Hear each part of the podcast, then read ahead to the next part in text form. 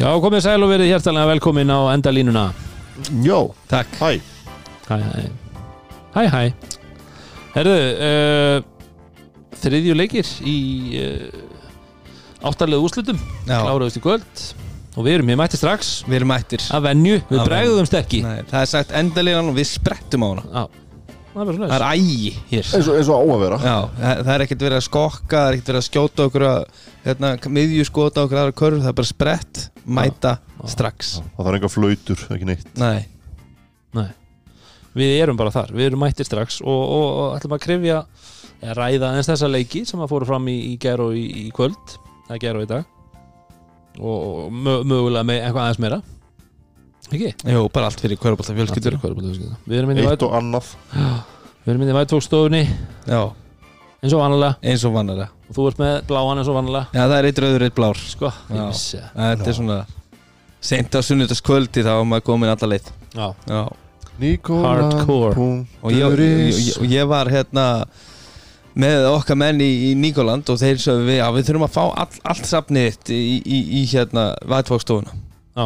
Þannig að ég fór í skúfuna í dag og reif. En þetta líka sko bara smá sjátt átt að það komið rúmfattalæðir í, í hérna í Reykjanesbæ. Þannig að ég var búinn að fara að köpa mér herðatrimaður og gæt maður sett þetta allt hérna upp. Já, já, þetta er fallið, það er hérna, það er hérna Evrópabúningu fyrir, fyrir, fyrir þá sem er að fylgja okkur á hérna á Instagram. Já. þá er hérna Ég var, ég var fyrsti, að ég held, fyrsti leikmaður um FN sem var nummer 23 í official germisleik já, Til hafa ekki með það. Takk, ég er ánægð með og, það. og það var, og þar Rúna setti þar inn í hvað búning að Gunni að fara og þá var margir sem vildi að ég færi í, njárveiku hann. búningur, já, já. Þannig að við, við kannski sjáum til. Við, við gerum allt fyrir, fyrir þá sem fylgja okkur. Það er þannig að fylgja okkur á samfélagsmeilum við gerum allt fyrir okkur, Allir miðlar.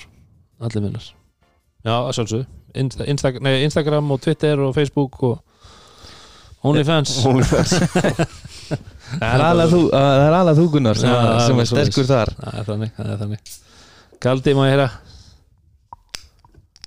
Þarna kom það já, já, já, já, kaldur og freyðandi nýli ásins, Það er bara þannig. Það klikkar aldrei. Nei, Nei. Hvernig er það, má ég heyra? Já, Þetta gerir ekki betra. Svalandi. Svalandi. Hittanum í Sunny Kef Já, En að því varst að tala um þessa búninga, Rúnar. Já. Skemmtilegt, þá hérna þegar við komum á því meðan, meðan Halla vinn okkar. Aftur verðum nú að sjáta á, á Halla beint í- Pólfara- beint í- pólfaran já. Beint í paradís. Já, Benti Paradís. Og búningana sem hann uh, lit með hafa, Jackie Moon og, og, og hérna og hann hérna, Múki Blelög að þá töluðu hún um það þegar við vorum að, að ræða um þessa búninga að þeir höfðu farið á, á góðstöðar og hann og, og, Áskir Áskirsson okkur úr Grindavík Já. og það hefði einhver svaraði, mástu, þú, talar um þetta á Twitter. Og ég fór að kíkta á þetta var, þetta var svona sann, hérna, sann reyna þetta. Það var hvorki meira meina Vernon Maxwell. Já, þar var Halli vinnur okkar í Vernon Maxwell og sjátaði hann hann, takkaði hann í, í myndina. Og hann kommentaði undir og veitir hvað toppaði myndina alveg? Hann var með Sinta Mani hú Já, sjálfsög sjálfsög þarna kom það. Þarna kom það. Ah, þannig ég mæli með að þið finnið Halla á, á, á, á Twitter allavega Twitter og sett á Instagram líka. Og Vernon Maxwell bara svaraði hann bara, my man. Mad Max Þegar eins og ég pól, kalla hann. þegar pólfarinn tjóðu sig þá svara menn. Þá svara menn. Það er bara þannig. Ég, ég viðkynni það, ég, ég tók ekki upp Sintamann í ekkan í dag, það var bara aðeins svo gott viður sko. það búið að vera mér, svakalega mér fínt. vantar, mér vantar skítamóraspólin og, og, og svo þarf, þarf ég að fara að græða vestið. Já, við þurfum að fara, það er svolítið lúki okkar í sumar. Það er skítamóraspólurinn og, og Vesti vesti. Ná, létt vesti. Já, Það er ekki spurning. Já, þú, þú varst að grilla, sá ég og Já heldur betur. nauta, Nautalund og kaldi og það er bara allt, það er öllu til tjaldað í, í playoffs. Já, það er bara svo leis En þetta er hérna svona skemmtilegu dagur uh, 23. mæ Dóri, við ætlum að henda hérna í smá sjátt og ég veit, að, ég veit að hann hlustar sérstakann vinn Sverri Þór Sverrisson, okkar besti. Já. hann á, á amal í dag. Það var bara eitt sem við getum gert til það að er bara eitt. Leopold gaf hann sigur og komst í meistardöldina til hann ekki með það Sverri og hann fær lægið sitt. Það er bara svoleiðis. Líka, hversu mikið legend ertu þegar þetta er lægið þegar live is live með ópusu lægið þitt þá ertu legend Þetta er einhver, einhver, einhver kassagítur útgáfa hann Það er alltaf Life- Life is life er alltaf life is life Já. Það er bara leys Uppáhald málarinn okkar. Uppáhaldsmálarinn okkar og liðsfélagi og þjálfari og það er bara leys Gekkjaður, til allt mamma uppáhalds. Til langi mámælisverðis okkar. En uh, heyrður eitthvað í þínu fólki? Eh, okkar fólki? Já, og þú ert með eitthvað spurningu? Það er Áskók Sandur. Það er ekki strönd, það Nei. er bara sandur. Uh, Ég heyrði þeim í gær. Já, og, og Takk, takk. það býði til betanum. ég, er bara, ég var lengi að kveiki hérna. Sunnudagskvöld Þú ert að læra þetta. Sko Svo ringduðu í mig aftur í kvöld. Þau eru svo spennt yfir þessu. Nei, okay, Þannig að það eru tvær spurningar. Við, Ok. ákvað, við ákvaðum eina spurningu gær Svo ringduðu Þau voru að drekka kalda í sólinni fyrir norðan Og þau, þau voru bara með stjórnir í augunum. Þannig að Fyrsta spurningin sem var ákveðin í gær já, uh, Hún er einföld. Uh, Í loka úrslutum uh, Þekkjum við að þú þarft að vinna þrjáleiki já, Hins vegar Það voru tvö ár Hér á Íslandi þar sem þú þurftir að vinna fjóra. Já. Hvaða ár voru þetta? 95 og 96 Boom Njarvík vann Grindæk og Grindæk vann Keflæk Það er hár rétt Báðar serur endur held í fjör tvö já, ég held að líka og þegar þetta gerist á þessum tveimur árum þá held ég að ég sé að fara alveg rétt með það. Það voru tvær deildir í heiminum sem voru með best of seven í finals. Það var, það var NBA og, og Japis deildin á þeim tíma. Það er líka bara grjótart já, En svo sko, skorum á að opna Japis aftur líka. Já, það er mjög gott að opna Japís. Já, uh, Þá kemur að setni spurningu kvöldsins. Já. uh, Dóri fætt tips þarna því ég stökk á þessa Það er, bara vel gert hjá þér. Það er mjög ólíklegt að þið vitið sko fyrir hlutan svarið við spurningunni. Já, já, það Ok. verður bara að tella. Skemmtileg spurning. Já, en, en þið getur giskað á setni hlutan Þetta er svona tvískipt, Ok. tvö stegi búði Ok. uh, Bara einn skemmtilegasti leikmaður deildarinnar í ár. Hann spilar í þólasöfnum til Larry Thomas. Hann er búin að vera hérna á Íslandi í nokkur ár. Steimblaður af mörgum Þar með kannski okkur áð, fyrir þetta sísón og voru að pæla, pæla í því hvort hann væri nógu góður fyrir já, já. uh, Í hvaða skóla spilaði þessi maður? Í bandaríkjunum? Milbókskóla og í hvaða deild? Þá er ég ekki að tala um í hvaða conference bara í hvaða deild. Já, Division. Já, Það er að byrja með þessar college spurningar maður Er ekki allir með ESPN eins og þú? Division, Division 3 það er bara bingo í sall hann var nefnilega í Birmingham Southern ykkur, Ah. ykkuru bla Ok, í NCAA Division 3 spilaði þar í fjögur ár við góðan orðstýr var hérna uh, leikmaður ársins í sínu konferensi eða í sínu hérna uh, svona region setni tvö árin bæði junior og senior árin. Já, og er með ykkur 17 stega meðatalega nefnir fjara ára háskólaferil.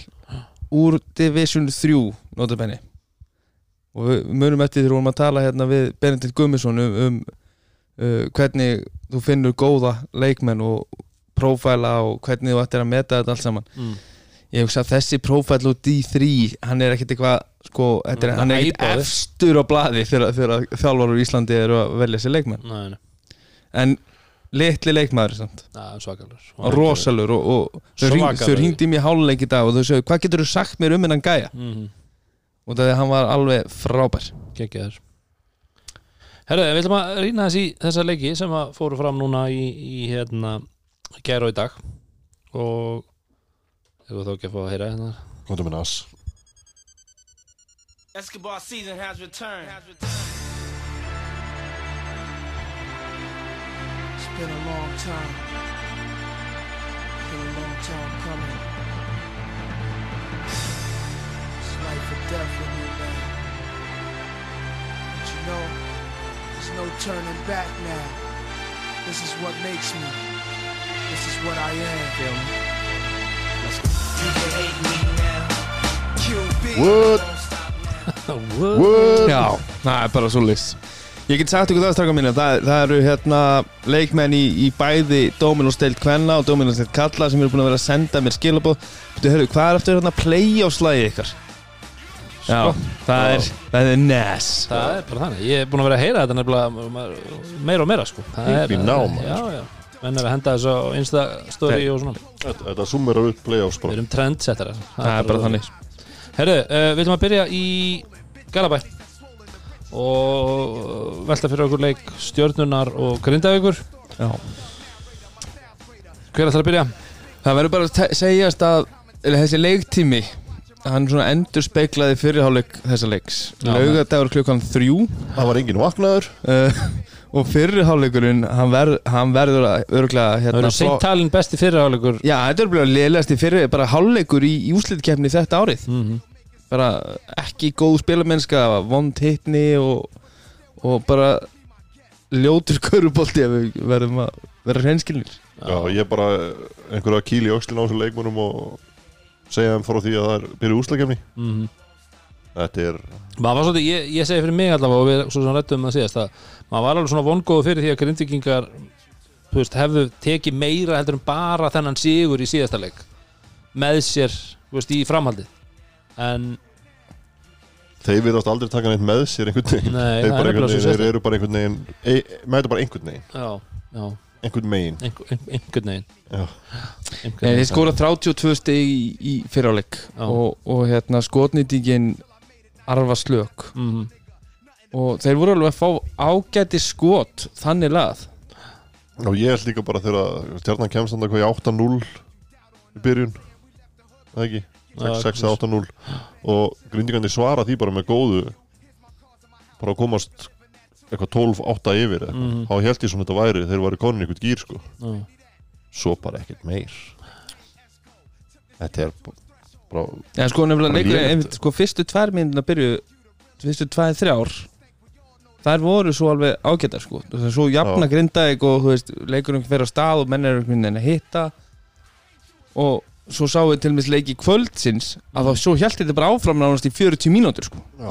En í Garðabærum í gær í MGH að þá stoppaði þetta bara eftir tvær og hálfa. MGH Já. Það er ekki MSG, það er. MGH strófis þetta er- er þetta, Já, það, var bara búið. Ég, þú veist, eh, kannski er þetta svolítið bara eins og þú segir Dóri, tímabili hjá Grindavík að það er eitthvað neginn þannig að þegar að maður býst við næsta skrefi veist, að þeir séu búin að taka eitt skref áfram að þá býst maður ok, nú er bara það er eðlilegt að taka næsta skref áfram. Þá, Já, svona einhvern, veginn sko, við fundum eitthvað þarna, já, þarna þú veist, þannig eru við Já, góðir sko. Það, þá, þá bara- við ekki gera þetta. Já, að því að þegar eru síðan konum eins og ég horfa á þetta núna að það er svo sem ekkert, þurfum ekkert að eitthvað launungamál með það, að stjarnan vann hennar leik með 16 stegum uh, ég held að grinda ekki eftir að vera geggjaðir í næsta leik. Þú veist, þú veist, það er eitthvað neins og tilfengi konum með bakið upp við veggin þá kemur allt í einu eitthvað.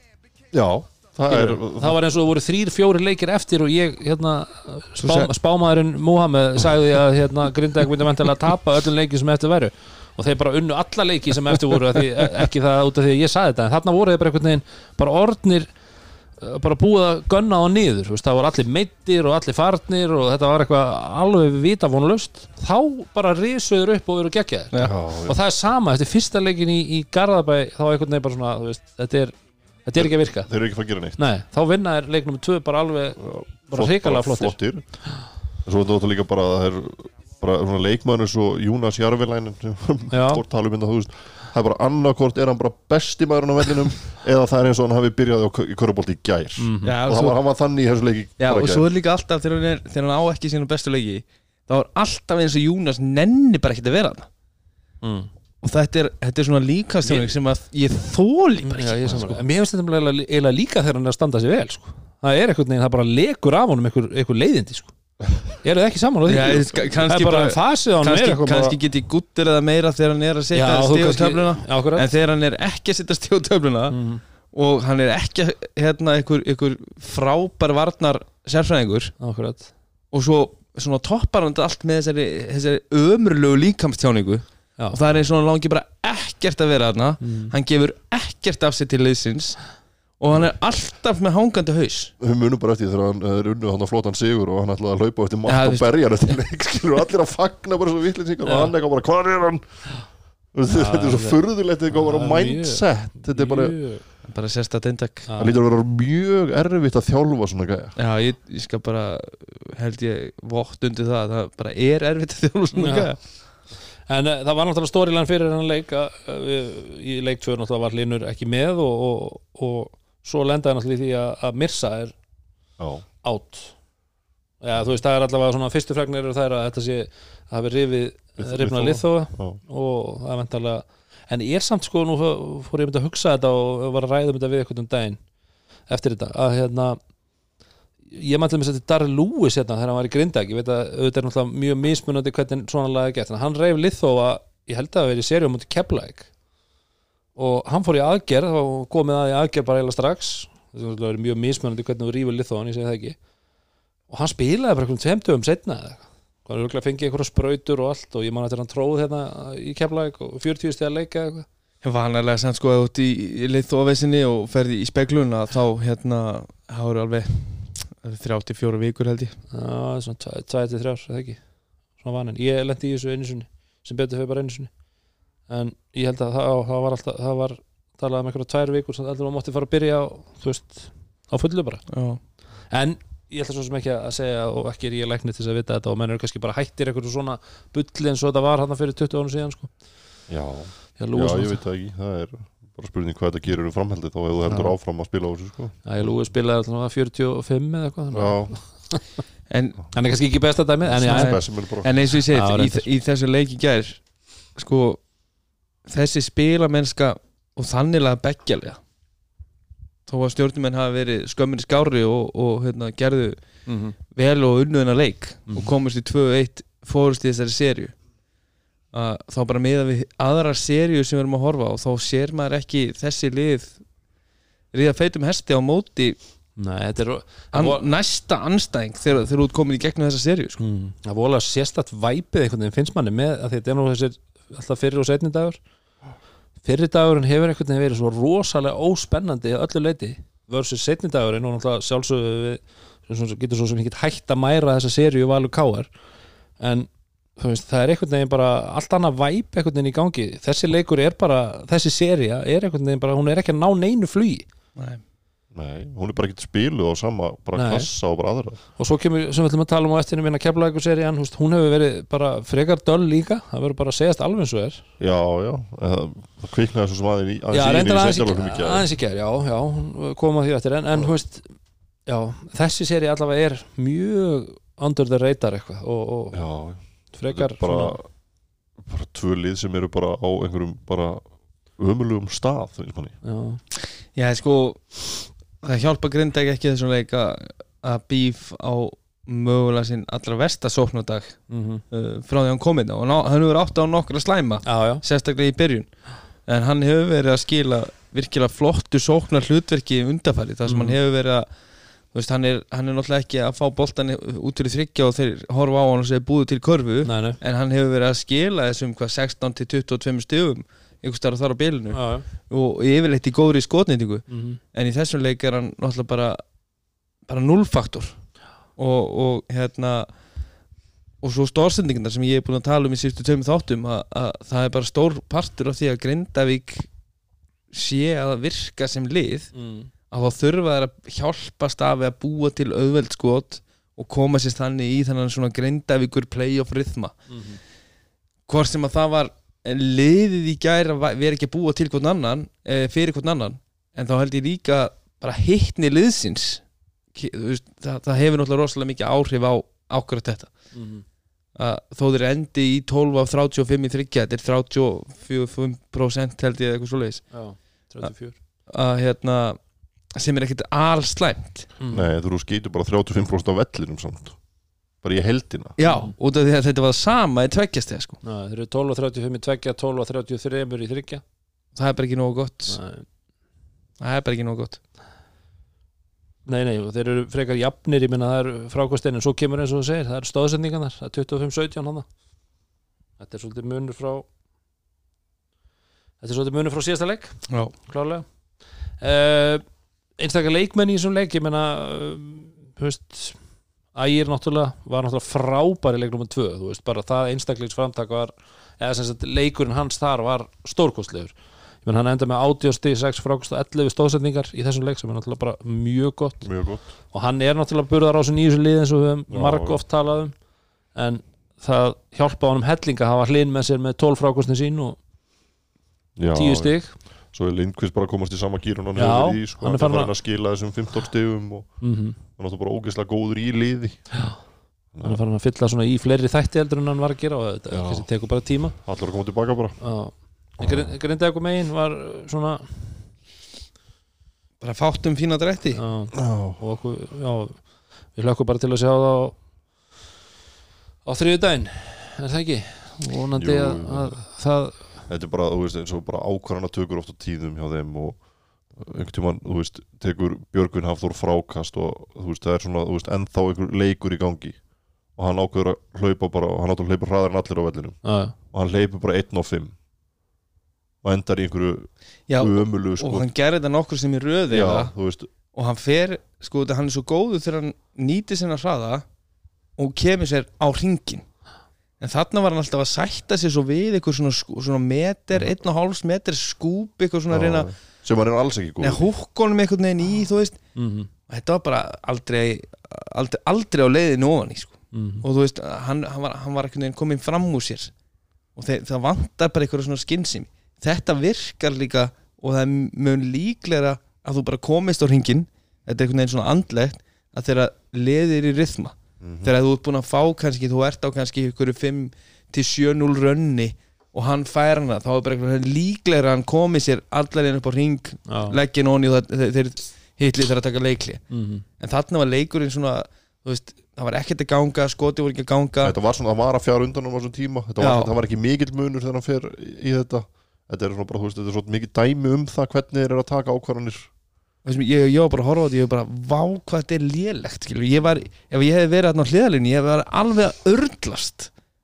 Bara út af því ákvarðina tökurnar þú ert ekki búin að fá stig kannski fjóra-fimm possession í röð. -hmm.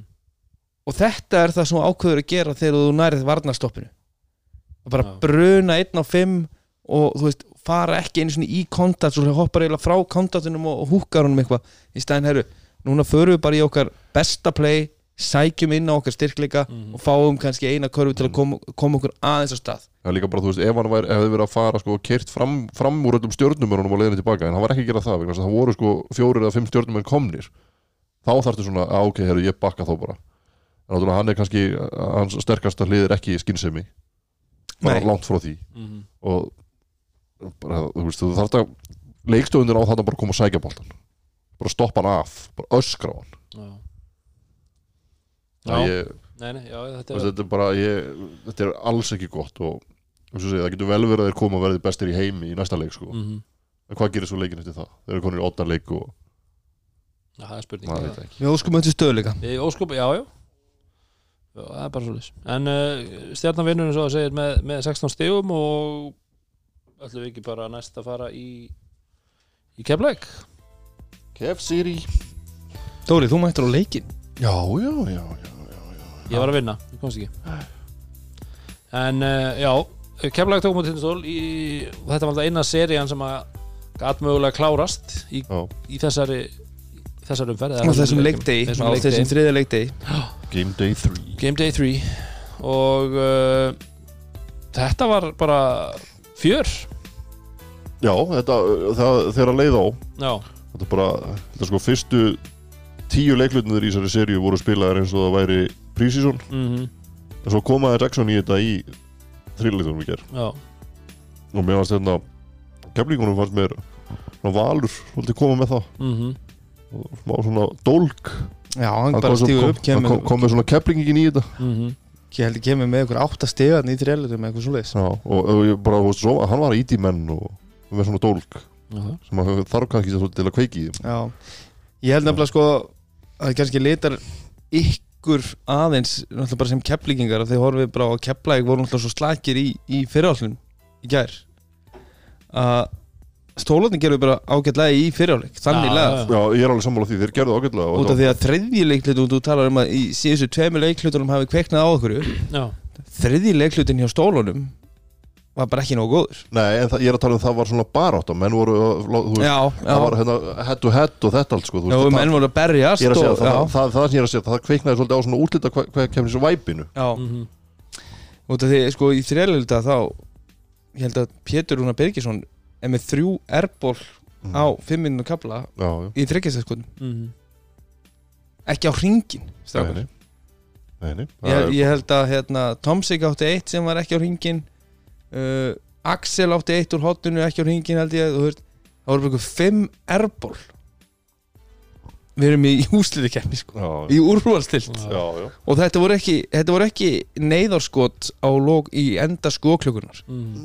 þetta voru ekki skot það sem voru, voru bara í miklu ójafvægi þetta voru bara nánast catch and shoot þryggjastæðskot eða það sem að þú ert bara svona af dripplunni að vera að gefa með metirinn og þú ferð bara í þitt svona 1-2 eða jumpstop og pullar upp. Mhm. og menn voru bara það er bara svona lítið sjálfströst í þessu. En eh, þú veist, ef við fyrir í fyrirháleikin þá var sko, uh, veit ekki hvort að, veit ekki hvort að hafi verið bara að því að maður var að sjá þetta núna þetta fyrsti leikurinn sem seri sem ég sé á vellinum. Hérna maður bara að sjá í sjónvarpi. En mér var sko fæslunar hjá Milka í vörninni Mhm. voru afleitar.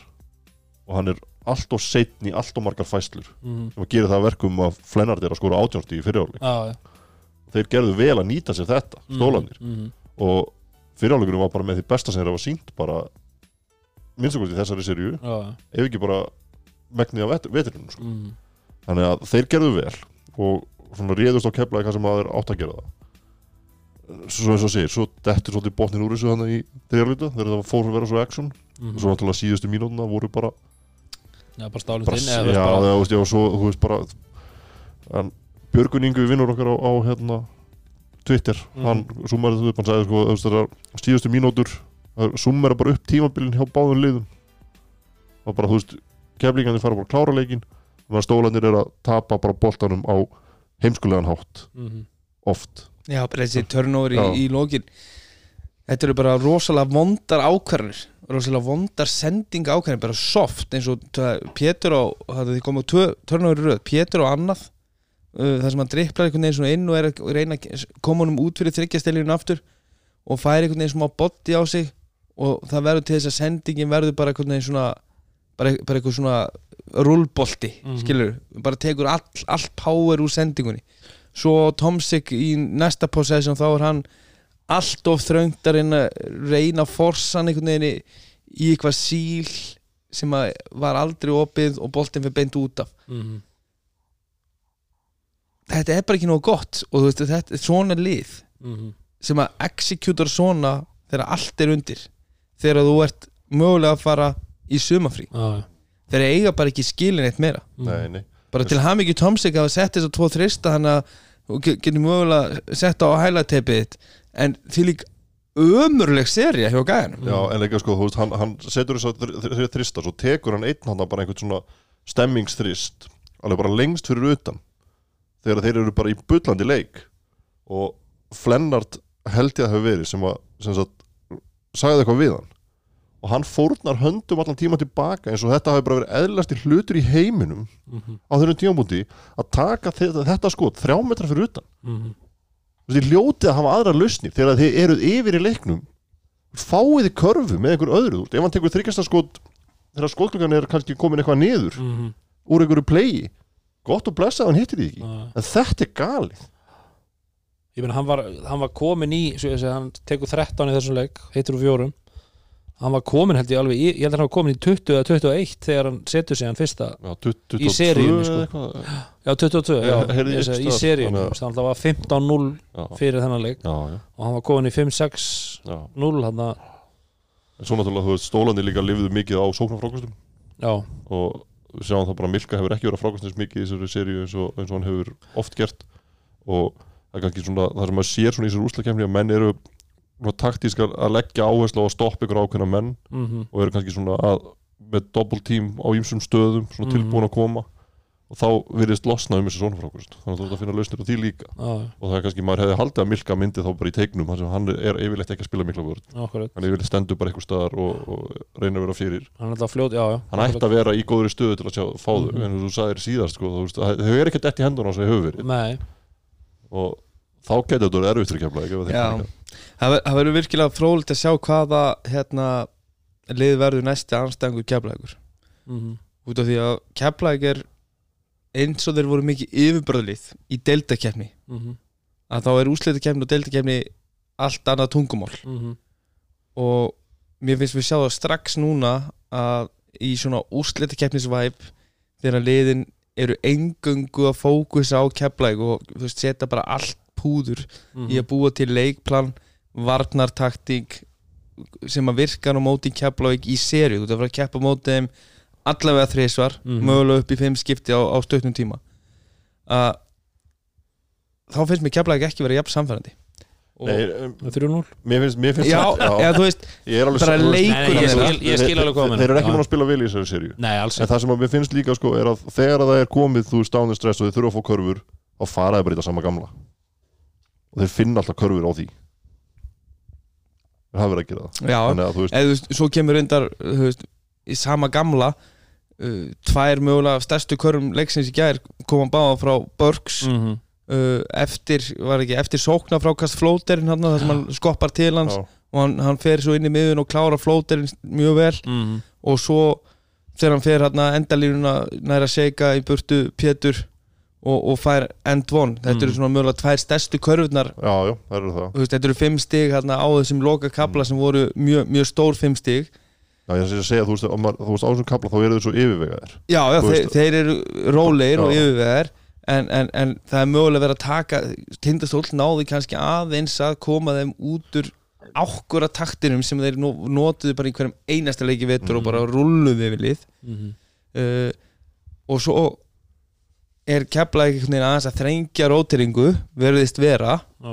að þeir eru með Gústa í 10 myndum á böknum Redsi í 13 og hvað í seríunni hvað, hvað eru við með mikið af, af, af hérna, bekkjaframlægi hjá keflæk ekki mikið þú veist að ég held að sé búið 0 stig nú allavega í síðustu tveimuleikjum í, í, og ef að þú ferð ennþá betra lið á mótir í næsta, næsta geimi skilur Mhm. sem er með mögulega ennþá fleiri útspill eða fleiri leikmenn til þess að stoppa þína helstu hesta Mhm. að þá, þá þurfa leikmenn eins og Gusti, Reggi að koma inn á þessu sviði í úrslitikefni og geta verið með þetta framlag sem þau voru með þú veist, á, í mánundagsleik á Já. Rækjala sínsson Mhm. já, já, það er alveg rétt en ég held sko einhvern veginn líka að þegar að verður svona meira ris yfir seríunum Já, þá þá, hefur eftir að sjá trista detta. Já, veist, það, ég held að það sé líka máli þú veist, þetta er búið að vera bara, þú veist, þetta er, eins og ég segi, þetta er ekki búið að vera úslitakefni fyrir kannski, þú veist, að kom svona smá action í en að þriðja leikluta út af því að menn voru svolítið svona að fara head to head og, og láta finna fyrir sér. Báðum, báðum megin.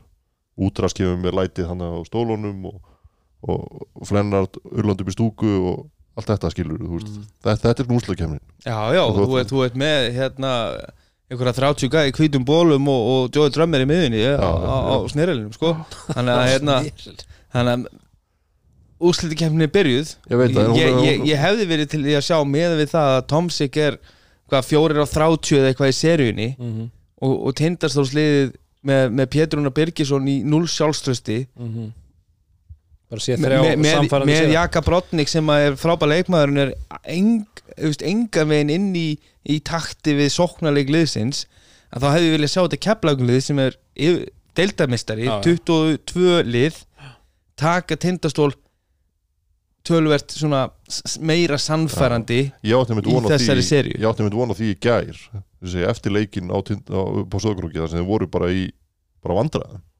Að ég átti vona því að þeir myndu koma inn í leikin í gær og bara vinna hann bara mjög samfærandi Já, það var, já, en það bara gerðist ekki. Nei, nei. Og þeir voru bara slakir Ég held bara, ég, ég á þess að vera eitthvað, auðvitað maður, eins og segir hún mjög litaður og allt þetta, en ég held einhvern veginn að það hafi bara alltaf verið veginn creepin í undir meðutundinni að það er alveg sama hvað þeir gera keflæk er alltaf að fara að vinna þetta, þeir voru mjög nálægt í tvisvar að tapa já, já. þannig að ég held að það veist, þess vegna held maður eftir leikinu sem segir Dóra á Söðakrúki að það væri, veist, wake up calli væri komið ok, nú bara gerum við þetta almennilega í þessum þriðarleik klárum, klárum þessu seríu með stæl. En gerum það ekki og það er, mér finnst það vera áhugjefni ég, ég, Mhm. ég held að þeir sko þú veist, það hefði alltaf verið og ástæðan fyrir að þetta var ekki ris meira hjá keflag í þessum þremur leikjum þeir, þú veist, þeir voru alltaf að fara að klára þetta Já, haf, haf, ég veist eins og ég segi með við hvernig staðan er í ennvíðunum núna mm. að að með Þór Þorlóksöfn og stjörnuna yfir að þá getur við að horfa á það að Keflæk sé að fara að fá þá K.R. eða Val já, liðið sem að kemur úr þe- þeirri serju mm.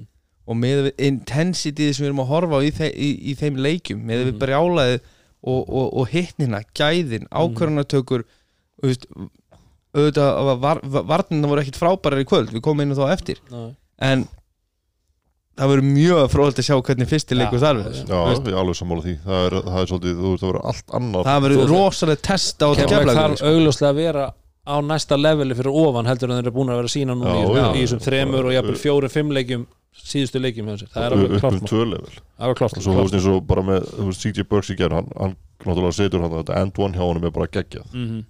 bara og gerði þessar, þessar tvær stóru körfur. En mér fannst þegar að þeir voru svona að koma tilbaka voru kannski náðu góðu stoppi hann var að fá boltan í sókninni þá hæði hann á öllu þetta var svona urgency í leiknum. Mhm, hann var að fá hann og hann var svona að tekka einu svona tvisvar einhvern veginn og svo fór hann tilbaka og gaf hann til hliðar. Mhm. þess að hann þarf að fara bara þá fyrsta tempo og þessu, þessu augnablikki fyrir mér. Þegar mómentu var svona að, að koma með þeim, þeir voru að fá mómentið Mhm. og hann var að stoppa það fannst mér, ég var að horfa á þetta. Já, já, mér, hann, þetta er mjög góða punktur sko. Mér finnst hann sko, veist, gerði þvílít vel í að fara á körfuna í ger Mhm. hann gerir alltaf sjaldan, Já, allt og lítið í einhverja stærri leiki þá þarf hann að gera meira þessu. Já og ekki, ekki hæja svona leiknum. Akkurat. Af því að það er ekki bara það að hann fari ekki á körfuna sem að við viljum sjá hann gera miklu meira eins og þú segir, heldur er það líka það að þá að vera að basically draga ógeðslega mikið úr sókninni Já. sem mögulega var til Já. staðar sko. já, já, já, og búið honum yfir á hann og hann kannski, kannski þú veist, hefur fyrsta tempo eða þú hefur ekki, þú hendur hann þá strax til hliðar. Ekki tjekka einu sinni, bara tilbaka tjekka aftur og gefa hann svo þá er bara mómenti farið og bara sóknir er orðin léleg automatically saman. en eins og ég segi, mér, samt bara kredit á keflaug að mér fannst þeir alltaf svara Mhm. að, að þeir, þeir hliftu aldrei mér, mér fannst tækjafæri tindastóðsmann að vera í þriðarleiklunda Mhm. í byrjun þriðarleikluta þá voru þeir að ná nokkrum stoppum svona áður en að Valur orðið fer af stað og fengu tækjafæri til að koma svo úr tíu stugum jafnvel upp í 15 átján Mhm. En þeir náðu ekki að konverta sínum sóknum Mhm. uh, svo þarna í fjóralölda þegar, hérna, Tomsik setur þarna tvö röð Hörður svarar fyrsta Dín svarar næsta það er standa komið sex stig frá Mhm. Tomsik og Keflæk svaraði bara back to back með sex stigum tilbaka Já. með þristum og það er svolítið svona sterkleikamerki hjá þeim að þeir, þeir, þeir leifðu þó, að- þó að tindasólmennir hefðu verið þessum fjórum, fimm stigum upp upp í sjö þá leiðu þau þurftu að setja þessi stóru skot þá settu þessi stóru Mhm, skot mhm. og svo kláruðu þau leikinn eins og þið talið um. Já. En þetta endar þá kemlega uh, sigra þessi serju Fyrsta serían sem klárast 87, 83 og tindastóll eru komnir í kalda Já. Já, eru komnir í, í og bara synda kútinn. synda mann í úlpur á, á línuna ja, bara sko, já Núna hérna Nú stöldrum við aðeins við. Já, ég, ég nú Tindastóll mm -hmm. tindastól. Ég veit ekki hvað þetta leik kostar. Ég ætla, ekki, ég ætla ekki að fara, hérna, fara nei. með einhverja fleipurum og segja einhverja, einhverja dólarmerki Nei, En við vitum að þetta hleypur á tögum miljóna Ok, og að þeir eru klárlega í dýrari kantinum. Ok. Þeir ná í bara mjög lélegt regular season. Mm -hmm. bara virkilega mikið undir pari Mhm. Voru bara hjá flestu öllum allavega topp fjórir.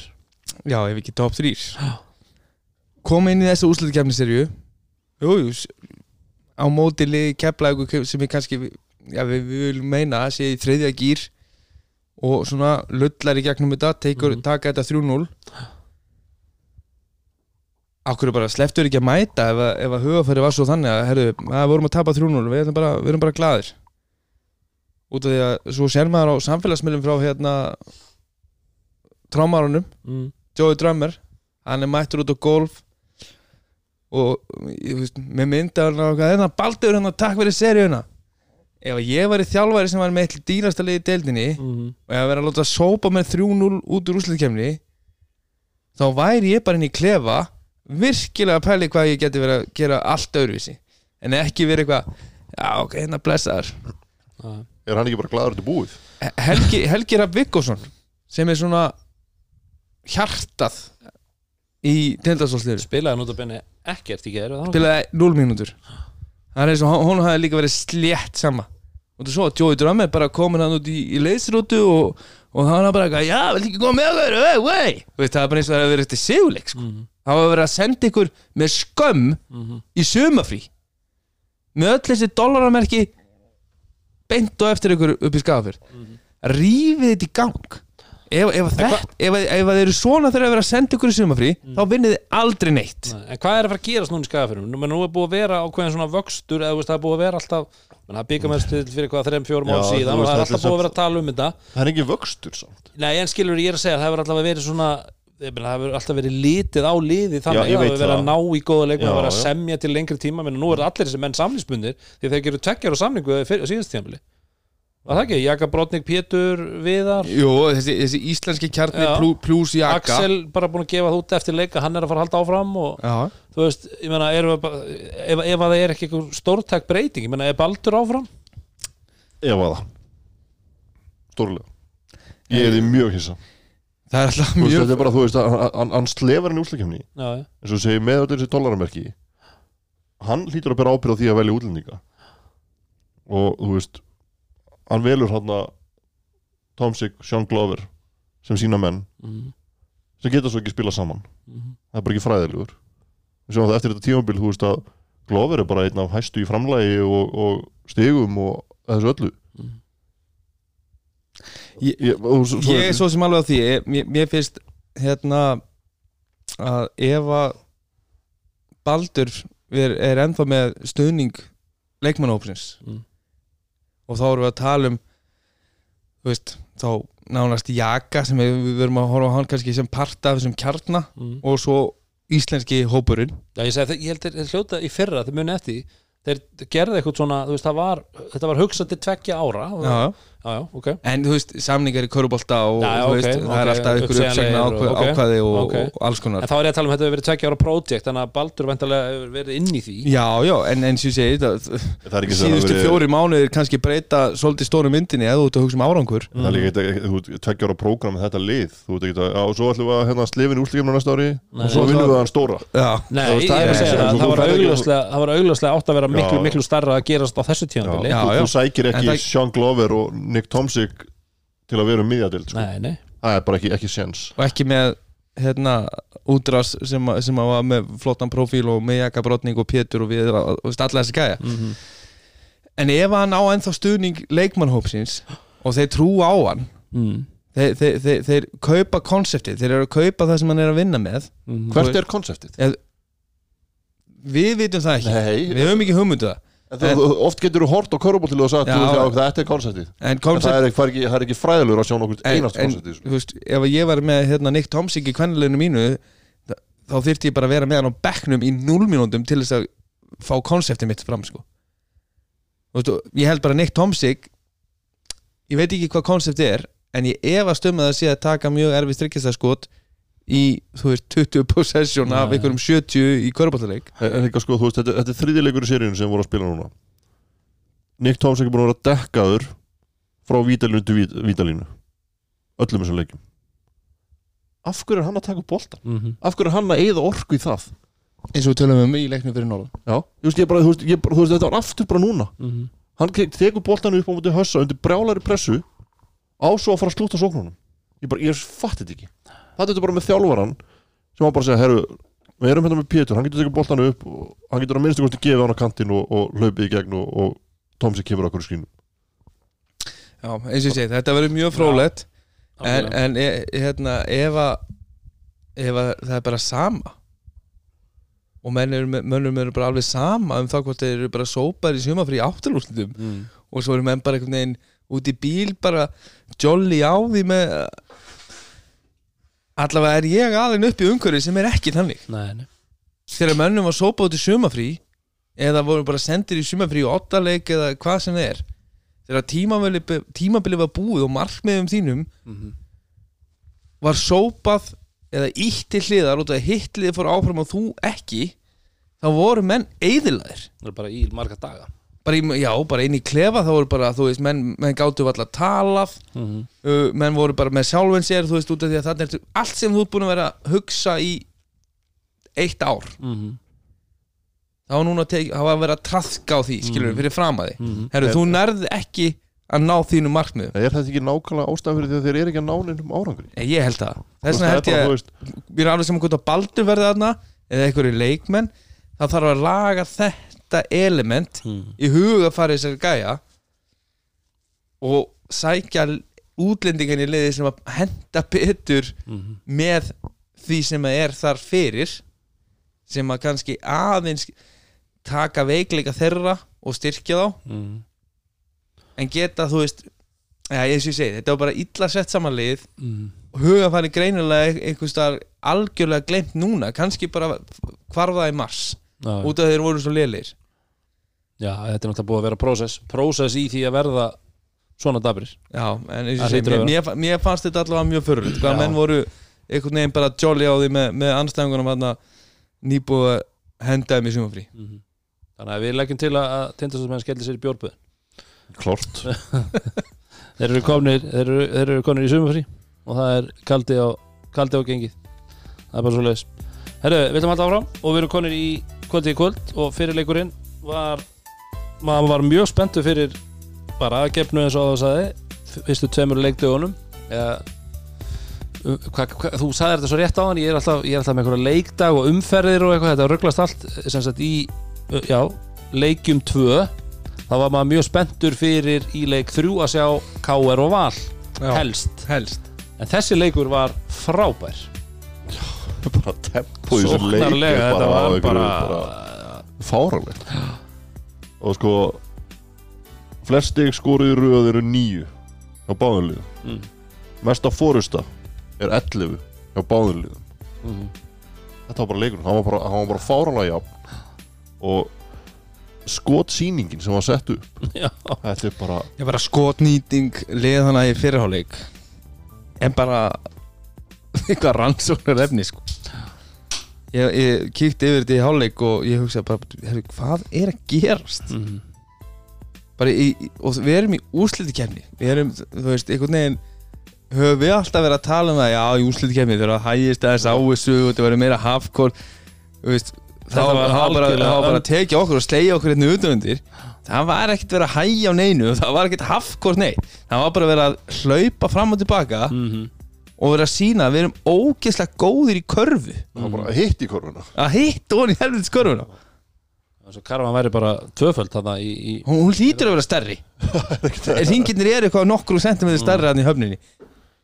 Það var bara að Larry Thomas datt bara í eitthvað það var eitthvað, rann eitthvað æð á mannin hann já, hann var bara fann að stoppa bara rétt fyrir hann að miðju bara. Þetta var bara Steph Curry þristar á tímpili sem hann var að henda niður. Hann var, sjö, var hann ekki 7 af 8 í hálfleik hann var sjö, sjö, setti sjö fyrstu skoti 7 já, og hann er 7 af 8 í hálfleik. Og við veist bara svona, þetta er galið. Sko, ef við förum í skot Þó- Þórs frá Þólasum mm, í fyrrháleik þeir eru 7 af 14 í tveggja 50% Já. þeir eru 11 af 20 í þryggja 55% mm, þeir skjóta, hitta og hitta fleiri þryggjastanskotum og eru með herri þryggjastega nýtingu heldur en tveggjastega nýtingu. Mm, þetta er galið. Körubolt í maður? It's, a beautiful, it's a beautiful game It's a beautiful game. En já, Larry Thomas var náttúrulega frábær og svo fylgdu menn bara einhvern veginn þú veist með, það var eins og sjá, þú veist, það eru þrýr leikmenn yfir 25 stig í þólasafnarliðinu og svo varstu með uh, svo varstu náttúrulega með Basíl með 27 og Edi var að setja þrista hana já, já, og svo varstu með Kolbein Fannar fjóra fjóra svakalegur. Eins og við kannski áttum vorum að ræða hérna yfir leiknum og hérna rétt á hann ég áttum kannski ekki von á því að Þór frá Akureyri myndi bara segja herru, þeir eru að bjóða okkur í dans við tökum þennan dans og við ætlum að reyna að vinna ykkur í ykkar dans. Mm, af því að þeir eru í sama pakka í fyrirleik, þeir, þeir hitta 10 af 15 í, í, í hérna í tveggjasti og 10 af 16 í þryggja mm, þeir eru með 10 þrista í fyrirháleik þeir fóru bara, herru, við ætlum bara að vera með ykkur í, hérna, í þessum geggjaða körubolta, sóknabolta upp og niður. Mm, og við ætlum bara að taka slægin já, og það, það var þannig bara til leiks loka. Já, já, það var bara, bara játn í játn mm bara alveg fram, á, fram, á, svona, fram í restina. Já, ég held, ég, það var einhver svona þrjár mínútur eftir um það bil þrjár mínútur eftir þá kemur held ég Þór Þólar sem einhverja rosa flotta körfu. Ég held ekki hvað það var þristurinn frá Colum Lawson á kantinum já, upp úr svona transition. Mm og ég hugsaði með mér það kom þeim held ég 7 eða 8 upp. Þá var þetta búið fannst mér. ah, já, þú veist, þetta, er- þetta er leikurinn. Já. Nei, e- ekki þessi leikur. Það var ekki Basíl sem setti þá þrjustinu megin? var það ekki kjörn frá þessu? Jú, og svo, svo, svo koma þeir með Já. körfu þá þeir þetta bara aftur þrist og allt í hennu var staðan honum 100 og 300 mm. já, þetta var, þetta var svakalegt. Og gaman, bara ske- skemmtana gildi mikið, en það sá maður það á pöllunum hann, það var, það var einhver kýtingur hann að síns mér. Ég var nú eitthvað farin að reyna að sjá hann það var alltaf verið að henda einhver í, í þólasafnar gæjan hann það var alltaf að koma einhvern veginn yfir og ég held að menna að vera út svolítið svona á fjör kemur svo sem ekkert óvart Nei, nei. og okkar menn í græna dregur með með hérna, skæting og, og vesen sko, en það er bara gefur þessu lit Já, já, algjörlega. Þannig viljum við hafa. Þeir eru ekki að það til segnast vini. Nei, svo nokkuð víst. Svo nokkuð víst. En hérna að- að- að- eins og segjum, þessi hittni fyrir alveg var fáruleg en á sama tíma voru Þólarsson búar mjög pyrraðir mm. á mikill pyrringur í fyriráleik já, voru, og svo, veist, Július Orri var að æsa á mikið upp sérstaklega Emil Karel, hann var svona með hann einhvern veginn, hann var komin inn í hausin á honum. Og ég, óg, ég, bara, ég veit það, það er ógæslega leiðilegt þegar þú veist svona eitthvað einhver gæi kemur svona og gefur þau bump og, og, og þú veist eitthvað full við hann og þú ítir á móti og gæin sýnir engin viðbröð það er ógæslega þreytt. Ef, ef hann kemur í aldur áttur þá ertu svona, já ok, þetta er slagur. Þegar hann gerir ekki neitt þá ert ég vandræðan þá ertu og, já, Július var rétt þannig hann bara hann kemur einhvern veginn og spilar bara á þvílíku krafti og hörku. Og svo kannski fer hann utan í og, og, og meiðir þig eitthvað óvart. Mm. og þú ítir hann tilbaka og hann bara heldur áfram eins og ekkert hafi gæst þetta er ógeðslega pyrrandi Já, Dabbi Kongur og Glóbis áttu einmitt e, smá einvið hérna líka. Já, eins og ég segi, það, það, það var það var bara úsliti kemnis bragur á þessu. Mm. Stuð, stemming veist, fullt af og öllu nema, nema leiknum hvernig hann spila Já, Það var öllu nema svona einhverju vand varnarlega svona, því sem að við teljum að sé svona klassískur úslita kemnis körubólti að, að það var ekki þannig. Nei, nei. Svo var maður einhvern veginn svona að maður fyrir að pæli eftir á Þú veist að ef að þessi leikur að, að, að, að þessi tvö lið færu í svona leik þar sem væri verið að jakka þristum bara alveg hæri vinstri að maður myndi kannski tilnefna eitt leikmann og hvoru liði veist, hver væri líklegast þess það var náttúrulega Larry Thomas þólasafna megin sem væri þá gæðin sem væri að setja sér skot.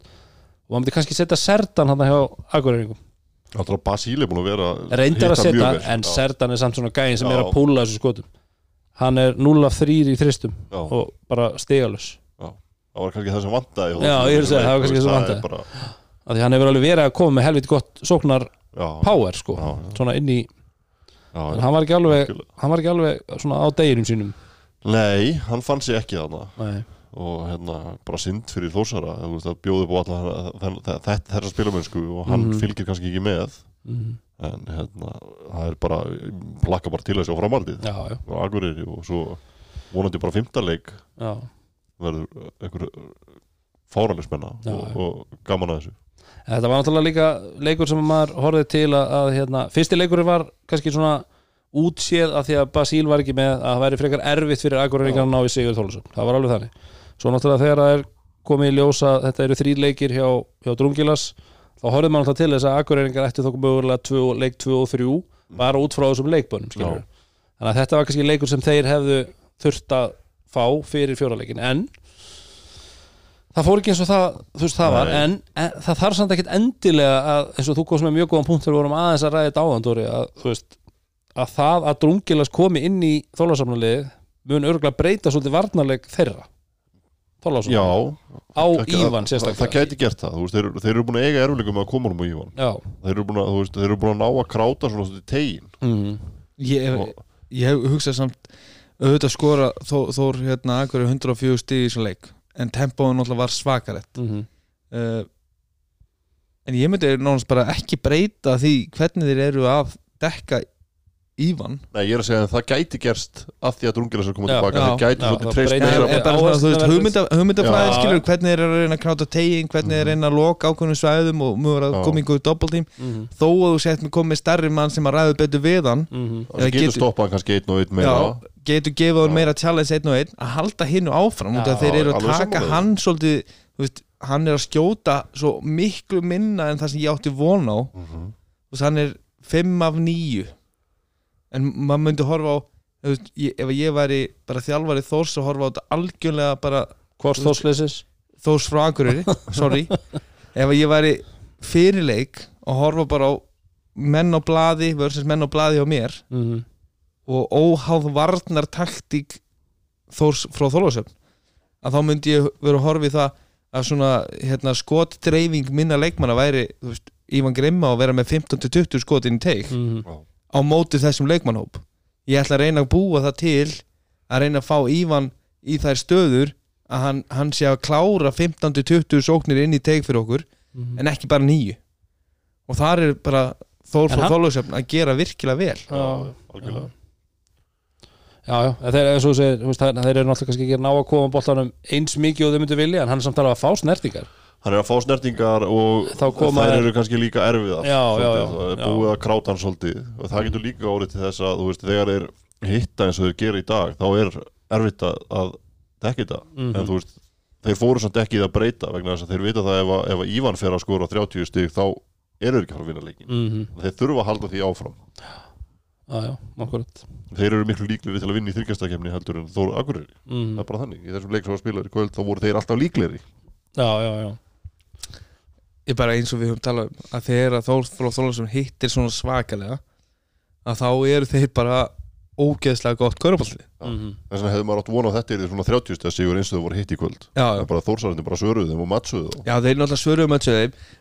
En, en, en það sem kemur náttúrulega líka út af því hvernig þú ert kannski að reyna að loka ákveðnum svæðum og ert að reyna að loka á Ívan að það opnar fyrir aðra möguleika. Þú tekur eitthvað burt en gefur eitthvað á móti. -hmm. Og Þór frá Akureyri gerði bara vel í að nota það hittu þeir bara hittu skilur Já. þeir voru að fá skot og þeirra svona aukaleikarar voru að, voru að hérna, nýt, nýta sín tækifæri og kannski fyrir utan einmitt hérna, Stojanovic Já. sem að klárlega á leikplaninu hjá, hjá, Lalla- hjá Lalla þú veist, herri, við, hvaða leikmaður er að koma í hjálp hvaða leikmaður er að koma og kráta tegin og gera hérna, svæði lítið. Sem það er ekki gæðin sem er að dekka setjan skilur Mm gæðin sem er að dekka setjan á bara að leggja honum og hann má ekki fá galupi skot -hmm. en þeir lifa einhvern veginn aðeins me- meira með því að, að, að til dæmis Basíl fá hann upp á þryggjastæðinu og það komi maður á mótonum í close-out Mhm. og þeir eru svona kannski manan aðeins í að taka þessi skot. Og það hann, hann er ekkert búin að vilja að vera að taka þessi skot allan veiturinn nei, nei, en það er líka það skrítna sko, hann vil ekki tekja sér skotvegna hann er svín hittinn sko. Mhm. þannig að ég held að það sé bara þú veist, þau þurfa að koma inn í hausunum hann er bara, bara topp skitta Já. Já, en þetta endar uh, í sigri Þorláks Hafnar búa 109-104 í miklum skotleik. Þetta er óvægt að segja það. En. Þá kemur málum máluna starfsmanna sjóðurinn já, Herðu, það var í uh, hver var það? Origo-höllinni það er Origo Já. Þú ert Og- ekki í og gala, þú ert ekki í, hérna, þú ert búin að klikka Þú sveikst okkur. Þú ætlaðir að vera hérna í einhverjum valskalla Þú ert ekki í honum. Nei, hann er ennþá út í Skylda á bílskúr þig. átöðu þeir unni ekki. Þeir unnu víst. Valur? Leik 2, þú ætlaðir að koma eftir hann. já, þeir unni ekki kvöld. Stikkt er hérna að bakka út af þessu með einhverju technicality hérna sko. Ég var hérna í Jackie Moon hérna tíu númurum og lítill þannig að við höfum ekkert vera með neitt, neitt svona. En uh, þess, þessi leikur byrjaði eða skilu, þetta, þetta, maður einhvern veginn að því að leikur númer var ekki leikur númer 2 eða hvort það voru báði leikir til mér sem var skora mjög mikið í fyrsta leikluta og maður bara, wow, þetta var þvílík sóknar sprengja en svo hægðist á og var- varnirnar eruðu svona þéttari og, og, harðari en það einhvern veginn bara menn heldur bara áfram að skora Já, þú veist, bara hvernig þessi leikur fyrir á stað miða við þessa, ef við viknum í nafn síðasta þátt þáttar. Þáttar. Körubolta skák. Mm og, og það, það gefst tími núna þú ert að stúdra lið þú ert, þú, bæði lið vita öll playin hjá Mhm. okkur öðru. Þú, veist, þú veist öll aksjónin en það segir kannski svolítið mikið um gæði leikmannan og einstaklingshæfileika leikmanna í beg, beggja liða. -hmm. að staðan þegar voru 1 mínút og 50 sekundur búin að leikna með eitthvað svoleiðis um það bil. Og staðan 10-10 Já. Þú veist það er galið. Mhm. í, á, á þessum stað í þessu einvið þar sem allt er undir og við erum búin að tala um þetta stríð. Mhm.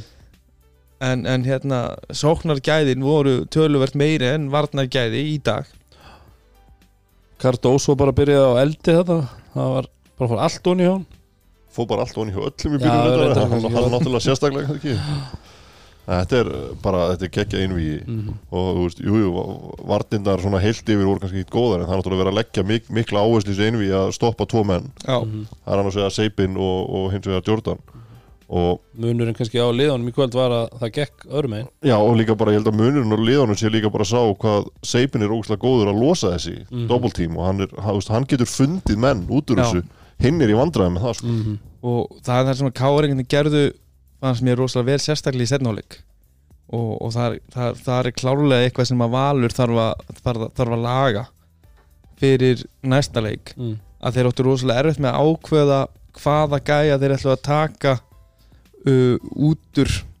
sagt þessu doppeltími. Þannig að þeir eru að hlaupa þetta skrínum på topp uh, fyrir seipin og þeir gera margvíslega þeir gera uh, til bara kredit á, á káu lið og þjálfarteimi að þeir búa þetta til þú veist, þetta er ekki alltaf alveg eins. Mm að það er bæði þá er hann að koma af dripplinu sjálfur og stundum er, er, að- eru þeir að taka sko svona handoff uh, þar sem að hann er svo þriðji maður hérna út á kant svona, það sem Matti, Matti gefur á stóramannin fær handoff og svo yfir í handoff hann eða ekki? Jó, þú veist, hann, hann er að koma handoff og hann er eiginlega, þú veist, þeir eru að speysa völlin svo rosalega hátt að þetta er að gerast nær sko miðjur hingnum já, já. heldur en þryggjastilun Mm uh, og þannig eru þeir klálega búin að þú veist, skoða vel hvað Valur gerir alltaf á þessu hvernig er alltaf, alltaf að trappa á þetta að reyna að dobla á þetta Mhm. til þess að loka á seipin en þeir ná að opna gólfið nokkuð vel í staðinn.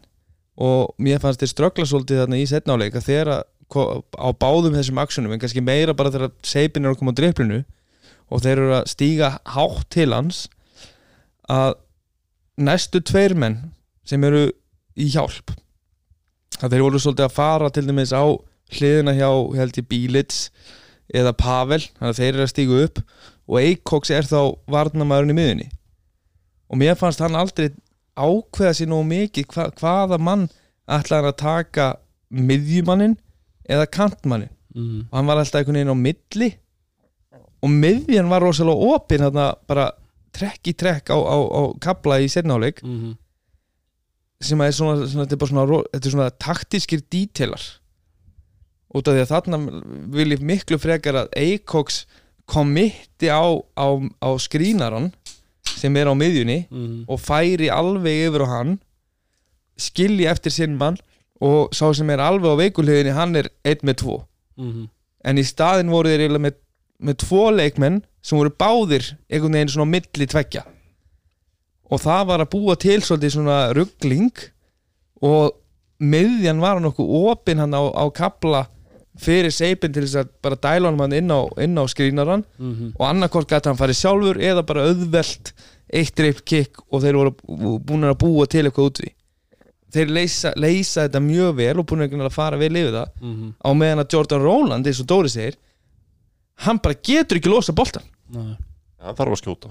Já, hann Það er er alltaf það er að leita meira af skotinu sínu og jafnvel þó hann þegar hann er komin þú veist, í e- ekkert skotfæri þá er eins og hann vilji frekar einhvern veginn detta aftur að, með, aftur að bak með boltan og vilji reyna að kasta í hinna eða er einhvern veginn í svona pyrring Mm í staðin fyrir að fara í svona snögga boltarhefingu og, og finna veikleikana sko. hann Já, er ekkert að pæla í veikleikunum Nei, við verðum líka sko að bara gefa bara Seipin bara kredit bara, hann er frábær sendingamæður hann er búin að sína okkur bara sérstaklega þessu einví þessar bullet sendingar bara inn í tegin eða jafnvel bara á milli kanta -hmm. og þetta er ekkit á bara hvers manns væri að gera þetta. Nei, nei. hann er bara ógeðslega góður í líka og hinn er bara ekki þar. Nei, nei.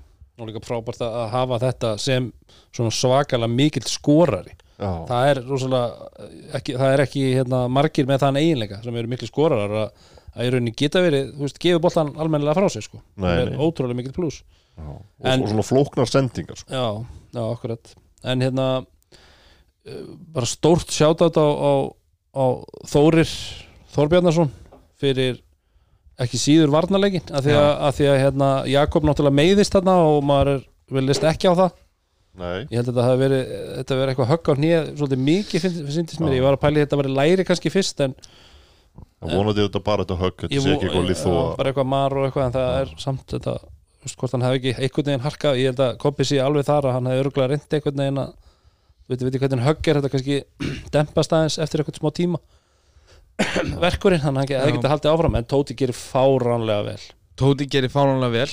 Alveg eldan svoleiðis í þessari ma maður og mannvörn og, og, og svo eru þeir bara mjög duglir Mhm. og það er eitthvað sem við sáum bara strax í þriðarleik í Íslandsmóti bara í janúar þegar, þegar þeir mættu þarna í Órikuhöllina uh, og þeir voru í þessu smólból að, að það er vinnu sem minn varnarlega í þessu káli mm er svakaleg, það eru allir tilbúinir að taka þetta e ekstra skref til þess að vera á réttum stað. Það er engin einhvern veginn svona að gefa þessar afslátt varnamenn, þeir eru alveg á fullu loka svæðunum vel og taka klósóttin á fullu og, og eru svona að velja réttu uh, gæjana sem að fá boltana og þeir eru eiginlega að velja á hvaða staðir geta fengið hann líka. En, en Jordan Roland er svona stór partur í því og stundum Cardoso líka í að svona bara svona, svona þeir, þeir drippla þetta og bara svona gefa þeim það. Þú veist, þeir leggja þetta upp fyrir káfuvörninni og gera einfaldara fyrir þá að rótera úr hvernig þeir kráta boltamannin, hvernig þeir minga gólfið út af þeir eru svo seinir að gefa hann. Og sendingagæðin eins og, eins og Dóri er að tala um sendingagæðin eru ekki bullet sendingar beint í skot, svona shot pocket þannig að menn getur bara gripið á skotið þetta eru þá allt að háar sendingar sem að menn þurfa að grípa hann hátt upp og eru ekki tilbúinir að grípa og skjóta. Þar kemur einmitt líka bara í þessar umræðu kemur náttúrulega mikilvægi Pavels. Já, bara þegar þú veist svo- bara hvernig brey, leikurinn breytist Vá. þegar hann fór að stjórna leiknum. Teitur náttúrulega var alveg með puttan á púlsinu þarna þegar hann var einmitt að, tala um þetta og þetta var, þetta var þú veist, þetta, maður sá þetta svo greinilega að því að hann var að tala um það líka því að maður kannski færi þetta ekki oft í, í útsendinguna sem menn Nei, er kannski nei. að, veist, að minnast á svona hluti en Þetta er Teitur bara þekking upp á algjörlega upp á 110 sko. Og, og, og, og svo gaman að, veist, að heyra þeim en við kíkjum bara á, sta, hérna, á statið að ég menna Pavel spilar 18 mínútur, hann er pluss 10 þannig inn já, það er alveg magna því að það var ekki eins og það hafi verið það mikið rokk á svo, í, í, í vals, valsátt sko. var svo magnað hann þegar þeir fóru í, til hann að pikk og rólið hann og Kristó. Og var þetta bara svona einhvern veginn þetta bara, þú veist, vissu bara nákvæmlega hvernig það, það myndi enda. Bara svona lítið bara pocket sending á, á Kristó sem laði hann í galopin þetta sér það ekkert með Cardoso. Hann hefur ekki þessa tengingu. Nei, hann hefur ekki þessa tengingu. Og, og, og þetta er alltaf bara eitt stór partur af, af því að Valur tapar þessum leik. Mm að, að Pavel Ermanilskin er bara að spila 80 myndur og við skulum ekkert fara eitthvað ekki rækvöldu með það. Ég meina, við, við vorum veist, með þessar villur sem maður var að fá, að því að nú er ég meina, við erum búin að tala um, við erum ánæði með það við erum kominir í úslutakefni, það er meiri harka það er leift smá meiri pústra og allt þetta. Það var ekki að sjá á þessum villum sem Pavel var að fá. Auðvitað er hann mjög aggressífur veist, hann stígur hann stígur á móti mönnum, hann letur alveg finna fyrir sér. Já, sko, nú, nú er ég búin að vera, vera hérna, hefur verið að spila móti Pavel. Mm. þjálfa móti Pavel, horfa hann í sjónvapinu ekki aðdándi káir Mm. í árum skiptir og þar hefur maður verið að kvart yfir því þegar hann hefur verið að dekka þunga menn á póstinum. Já, já, hann hvernig, hvernig hann fær að faðma á hann með annari hendinni uh, og, og kontent að skoða með henni skilur Mhm. hann hefur komist upp með þetta í mörg ár. Uh, hann fær fimm villir kvöld og það verður bara að viðkennast að þessar villur voru mjög, mjög soft. Mm uh, þriða villan soft fjóraða villan sem er blokkið þar sem hann bara clean blokk og dómari einhver starf utan að velli á hverju að taka þetta þegar, þegar gæinn sem er nýkomin í 2000 leiki úrvastild -hmm. er með þetta beint fyrir fram að sig ég, ég skil þetta ekki út af því að þarna er verið að breyta leiknum ég, e, þarna við, við viljum auðvitað ef að menn eru út að skýta og, og brjóta af sér þannig Mm -hmm. en þetta eru bara svo nokkur léle, nokkri lélegi dómar sem verða Mhm. til þess einn af bestu leikmönum vals er ekki með þegar allt skiptir máli Mhm. og gæðin sem var að breyta leiknum Já, algjörlega Og ég að- hefði viljað að þetta væri possession leikur, bara einstiks leikur í lokin mm. en mér fannst dómarni smá taka það í burtu auðvitað hefðu valsmennin geta bröðist betur við Algjörlega þeir, já, já. þeir, þeir, þeir náttúrulega svolítið missa hausinn og, Mhm. og, og bregðast ítla við en dómarnir eru samt sem áður alveg jafn ömurleir fyrir vikið og, og við höfum nú rætt hennar fymtavildómi sem er kannski mesta villan Mhm. en með að við annan kontakt í þessari serju Mhm. að ef þetta er villa Þá þá, að á Jordan. Róland að skjóta 20 vítaskut í leik skilur Mhm. með kontakti sem hann er í Já. upp og niður völlin og í gegnum skrín Mhm. ef að þetta var villa bara eitthvað svona rétt bringan fór 2 cm fram Mhm.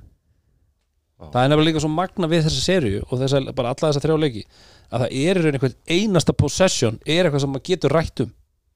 Þú veist, Já, við erum að tala saman náttúrulega bara þegar við erum að fylgja, horfa á þessa leiki þá erum við náttúrulega að tala saman bara ekki um messenger.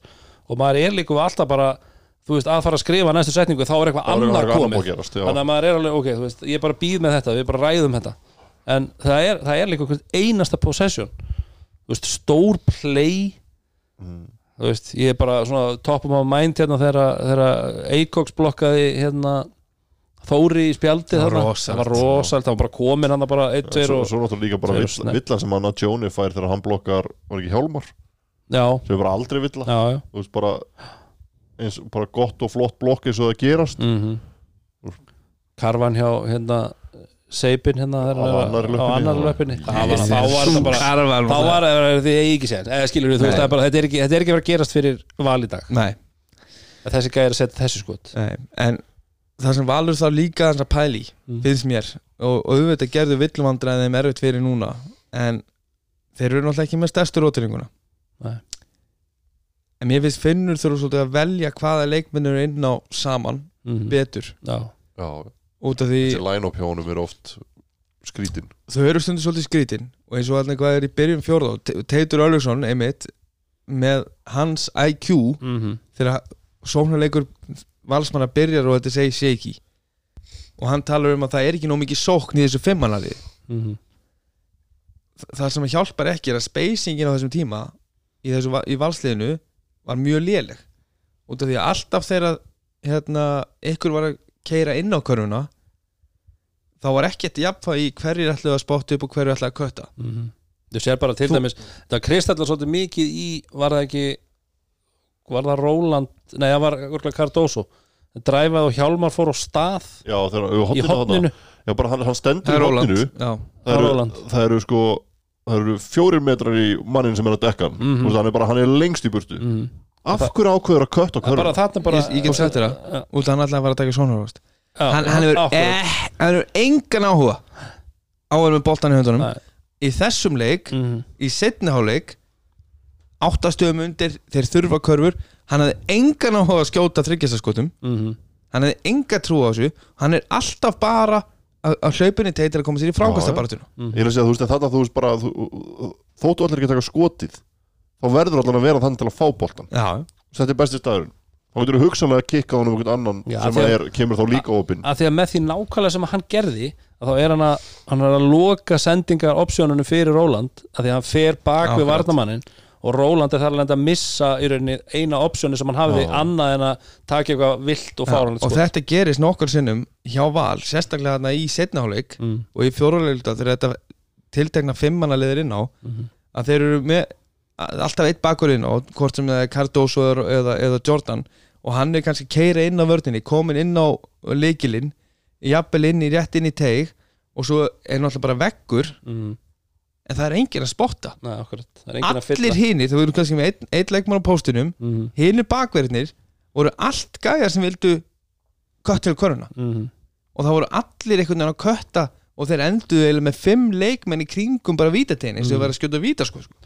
Og engin, og þeir voru bara í basleheru það er engin til að gefa á og, þá, þá, þá, þetta leiti alveg rosalega ill út og spacingin lítil og þeir voru kannski að gefa mann sem að stóð einn og hálfan metr inn fyrir þryggjastæðalínu Mm. erfiðar sendingar, auðvitað að deflekta þessu og, og það kemur ekkit út úr út af því að þetta er, þetta, núna er svo stutt close-out Mhm. fyrir káringin sem er í hjálpaðurð þegar þú ert komin í 1,5 metri inn fyrir þryggjastiluna Mhm. þetta er bara hálft skrif til hliðar og, og þú ert komin henda á móti skoti Já, ég, já.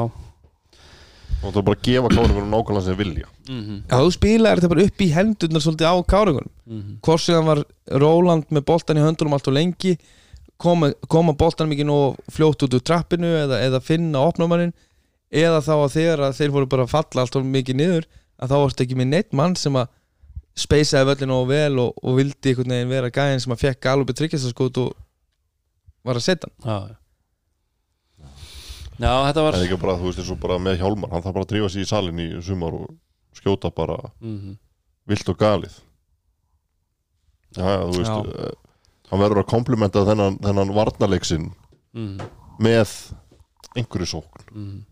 við höfum síðan, jú, hann er verið að rífa niður sókn frákust Já, já, hann hefur verið að klára vel í kringum körfuna en hann þarf að setja skot og, og mér finnst hann, hann, hann, hann er líklegri til þess að setja þessi skot ef, ef hann fær nokkur snemma í leiknum og setur þau svona by- byggir upp smá, smá, smá sjálfströst að þá kannski er hann líklegri til þess að vilja taka þessi skot þegar hann líður á leikin Já, ég held líka bara, þú veist, að vera þá með það, þú veist, alveg svo þú sagðir Rúnar ég meina, af hverju fór hann af þessum stað, af því að hann var að fara í sóknarfrákusti þú, þú veist, þú verður að vera svolítið þínu að, þú veist, býða þarna, kannski er það líka kannt, svona, ef maður hugsa um það að, að Jordan er nú alveg bara líklegu til að taka eitthvað, Já, spinna í eitthvað erfitt skot reyndar, og, reyndar, sko reyndar, en, en, þessari stöðu en þú veist, samt Já. sem að þú getur ekki verið að, að treysta á það að hann sé að fara að taka eitthvað líka skot. En nú eins og ég segi, nú, nú eru valsararnir alltaf bara komnir með baki upp við veggin fræga. Mm uh, og þeir eru svo sem á leiðinni bara á heimaöll Mhm. og veist, tæknilega séð. Já, það, og káringarnir bara hafa ekki unnið þarna mikið, mikið í vetur. Og, og þessi, þessi, Ég- þessi ég lið hafa náttúrulega unnið alltaf á útöðli bara með leikin í hagaskóla. Káringar spila hann bara þar. Já, það var Seltjarnanesi eins og 98 Nesi, já, já, Já, reyndar. en líkillin fyrir, fyrir val þar er uh, að leysa pikk og róli á topnum hjá Seipin aðeins betur. Þú veist, Seipin má alveg skora 30 stík En hann er með 11 stóðsendingar 11 stóðstingar er vandamál. Mm, Já. Að Natsjóli skori 33 stík mm vandamál. -hmm. Halt áfram að gera þetta erfitt fyrir Seipin hann setur sín skot en þú verður að loka vörninni þegar hann finnur lausn að þá verður að finna lausn á þessari rótiningu Mhm. þeir þurfa að fleita boltanum betur út úr höndunum á, á Jordan Roland en aðalega þurfa valsmenninir að stjórna tempóin Pavel Ermolinski er líkil maður. Algjörlega. Hann þarf bara að vera pointgard í 35 mínútur í næsta leik. Mhm. þeir, þur, þeir eru ekki að fara að vinna KR í 103 102 leik. Skilur, ég, ég sé það ekki gerast. Segðu mér eitt, hérna, eitt svona hot take uh, Miguel, Miguel Cardoso. Cardoso, jú Cardoso. Uh, spila 36 minnir í þessu leik. Hann er að skjóta 20 skotum og er að hitta, hitta 12 aðeim frábær, 6, 60% frábær. Hann kom einhver 29 stig Það er þegar það eru 5 mínútur eftir að veist, bara exceptional sóknarleikur í honum. Uh, er hann að skjóta boltanum of mikið? Myndu, myndu vilja fá þetta aftur frá honum, nú er ég bara nú er ég að velta fyrir mér, er mögulega flæði valsmanna, ekki það að hann var svo sem ekki að forsa einhverjum skotum eða gera eitthvað þannig sé eitthvað, eitthvað vittlist en meðan hann er að skjóta þá er ekki verið að reyna að opna Róland eða Jón Arnór eða eitthvað svoleiðis. Er, er þetta, að því að nú er þetta svona point guard þó að þeir séu náttúrulega með Pavel líka er hann mögulega að skjóta boltanum of mikið þótt að þetta hafi tölulega séð er þetta náttúrulega frábært? Skiljið hvað er að fara með þessu? Ég skil alveg gótt að fara með þessu. Og er það að tapa veist- meira á því að hann sé að skjóta svona mikið? Líklegast já mm. og ég held líka bara að hann, hann er ekki rétt í leikstjórnundin fyrir þá í þessari serju Nei, ég sko ég held reyndar ástæðan fyrir að teka upp 20 skot og Mm. er með 29 stig eftir 25 mínútur Mm -hmm. það er verið að leggja það mikla áherslu á Jordan Mm -hmm. að mér varst Cardoso hann er kannski snegstur og, og, og, og hérna kannski beittastur Mm.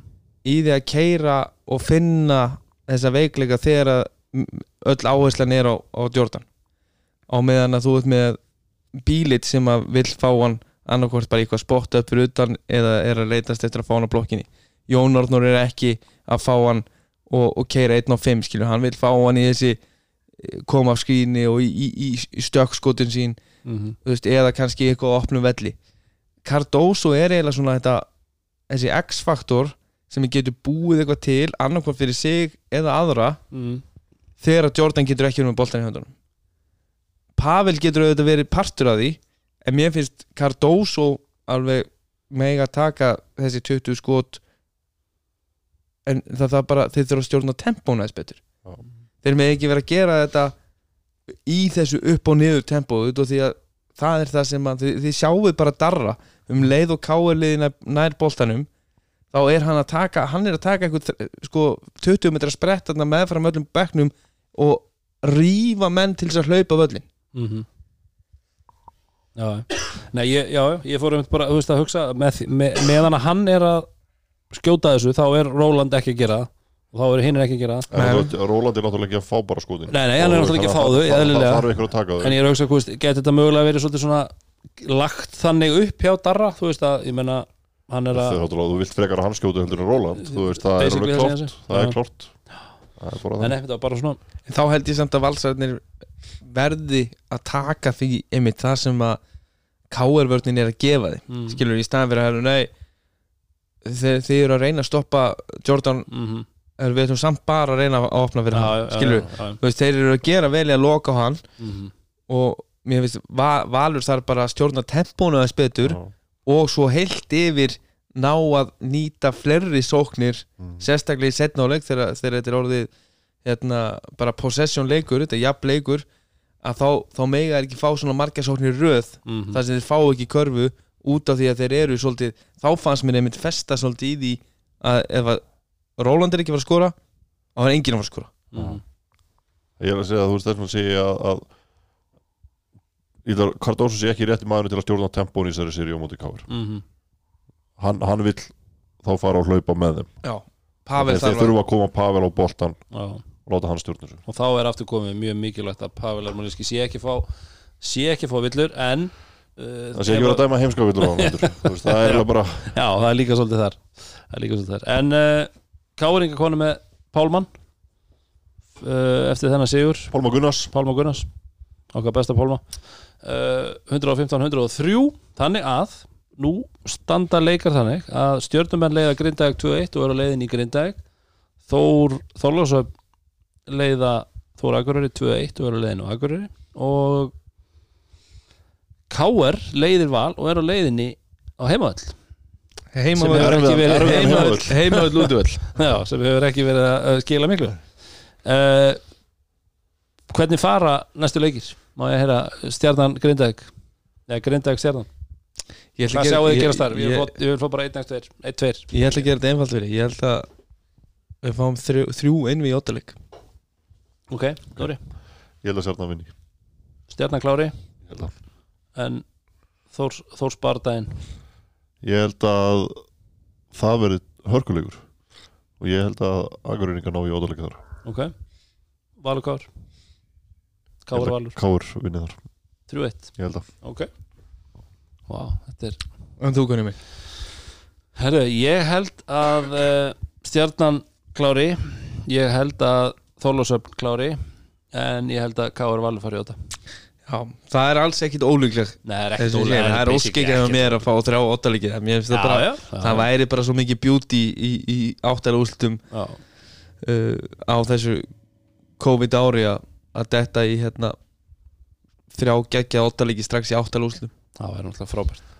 Veistla Já, heldur betur. Þannig að við erum næst að fara í leiki á uh, þriðudag eða ein leik á þriðudag það er bara það er þá bara Grindavík uh, stjarnan á þriðudag og svo á miðugudag erum við með doppelheader Þórs, Þórslagur og Reykjavíkuslagurinn Barabam, Barabam. bam, en uh, það er komið að úslitum í, í uh, úrvastelt kvenna Dóminostelt kvenna. Og þar mætast Valur og Haukar. Sýra Friðrik og Séra Friðrik og á móti Séra Friðrik. Var ekki svoleiðis. Jú.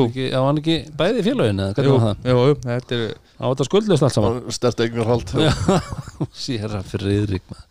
Herru, það er, fyrsti leikur uh, er þá 27. sem að er á 50 dag, var það ekki, voru ekki múin að rekna það át 50 dag sunnudag og svo held ég örugglega miðvikudag Já. lögadag ef, ef þar fjóra Já, bæ, bæði undrúnslutaleg Envíin fara 3-0 Já, Það eru sópar og, og töluverðir yfirbörðir já begge liða. Eh, eða, sagt, Þannig laga sko. Mm. veist, auðvitað, ég, Mér finnst við verða að gefa fjölnisliðinu kredit. Mhm, uh, Það er náttúrulega að tapa mjög stórt og voru kannski ofhæpaðar inn í fyrsta leikin mhm. og lenda svolítið á vekk og tapa með f- 40 uh, en þær gefa valsliðinu leik uh, bæði leik 2 og leik 3 Mhm.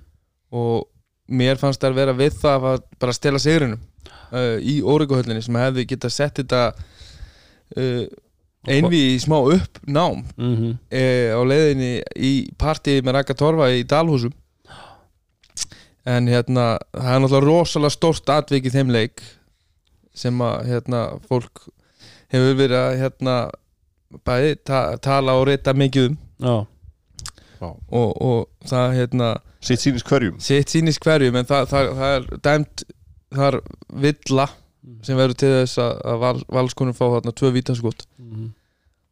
og það, það það, ekki. jú, Helena Sverrisdóttir. Og það heldur held ég allir í húsinu að vera að dæma Sónavöldu og, og svo Nefna dómarinn. Eh, sko, annar dómarinn dæmir Sónavöldu mm. Á endalínu dómarinn sem er með þetta beint fyrir fram að sinna hann dæmir Sónavöldu dómarinn út á velli dæmir uh, villu. Uh, og þá, þá fóru þá fór fólk strax af stað.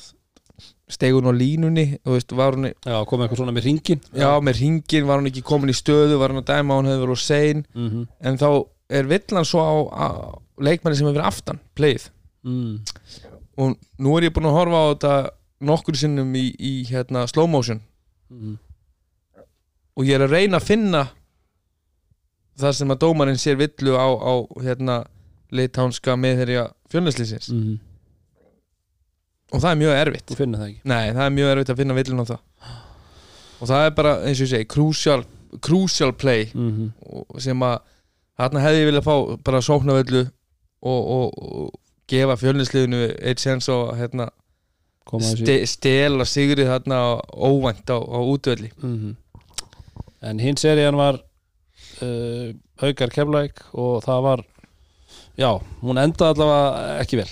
Nei, það var uh, 3-0 og, og síðasti leikur uh, klárast með 30 stu já, og var bara búin við þetta bara í fyrsta leikum andleysi trúleysi uh, frekar daburt og haukar bara töluvert mi, mikið betra körfubolta lið heldur en keflaug eins og stanir í dag. Mm og ég mætti nú á leikin hérna leik 2 í keflaug já, og mér var, ég var alltaf með bara tilfinningunni mér bara haukar meira miklu betra körfuboltalið.